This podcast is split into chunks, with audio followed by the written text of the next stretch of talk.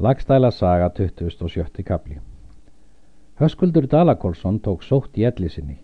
Hann sendi eftir sónum sínum og öðrum frændum. Og er þeir komu, mælti Höskuldur við þá bræður, bárð og þorleik. Ég hef tekið þingd nokkura. Hef ég verið ósóttnæmur maður, higg ég að þessi sóttmunni leiða mig til bana.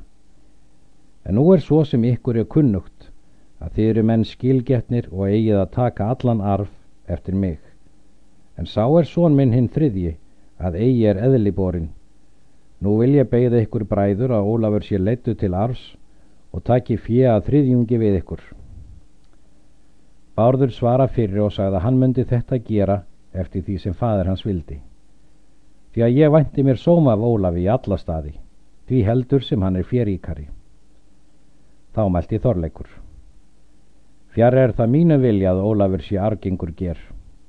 Hefur Ólafur ærið fyrir áður.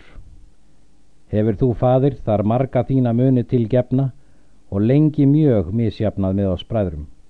Mun ég eigi uppgefa þann sóma með sjálfvild er ég em tilborin. Höskuldur mælti.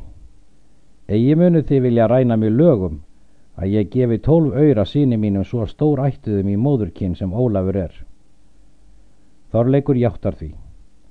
Síðan let höskuldur taka gullring hákonarnaut, hann vó mörg og sverði konungsnaut er tilkom hálf mörg gulls og gaf Ólafi síni sínum og þar með giftu sína og þeirra frænda. Hvaðst eigi fyrir því þetta mæla að eigi vissi hann að hún hafði þar staðar numið. Ólafur teku við grípunum og hvaðst tilmöndu hætta hversu þorleiki líkaði. Honum gast ítla þessu og þótti höskuldur hafa haft undirmál við sig. Ólafur svarar Egi mun ég gripin að lausa láta þorleikur því að þú leiðir því líka fjögjöf við vittni. Mun ég til þess hætta hvort ég fæ haldið. Bárður hvaðst vilja samþykja ráði föðu síns. Eftir þetta andaðist höskuldur. Það þótti mikil skaði fyrst að upphafi sónum hans og öllum tengdamönnum þeirra og vinum. Sýnir hans láta verpa haug virðulegan eftir hann. Lítið var fjö borð í haug hjá honum. En er því var lokið þá taka þeir bræður tal um það að þeir muni efna til erfis eftir föðu sinn því að það var þá tíska í það mund. Þá mælti Ólafur. Svo líst mér, sem ekki megi svo skjótt að þessi veistlu snúa, ef hún skal vera svo virðuleg verða sem orstætti sóma er nú mjög á liði hausti en ekki auðvelt að afla fanga til.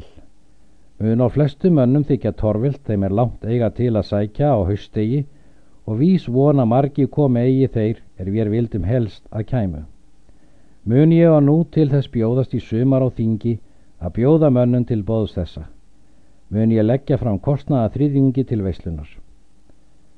Þessu hjáta þeir bræður en Ólafur fer nú heim. Þeir Þorleikur og Bárður skipta fjö með sér. Lítur Bárður, föðurleif þeirra, því að til þess heldur fleiri menn því að hann var vinsætli. Þorleikur hlaut meir lausafjö. Vel var með þeim bræðurum Ólafu og Bárði en heldur stygt með þeim Ólafu og Þorleiki. Nú líður sjá hinn næsti vetur og kemur sumar og líður á þingi. Búast þeir höskuldsinir nú til þings. Var það brátt auðsætt að Ólafur myndi mjög vera fyrir þeim bræðrum og er þeir koma til þings tjálta þeir búð sína og byggustum vel og kurteislega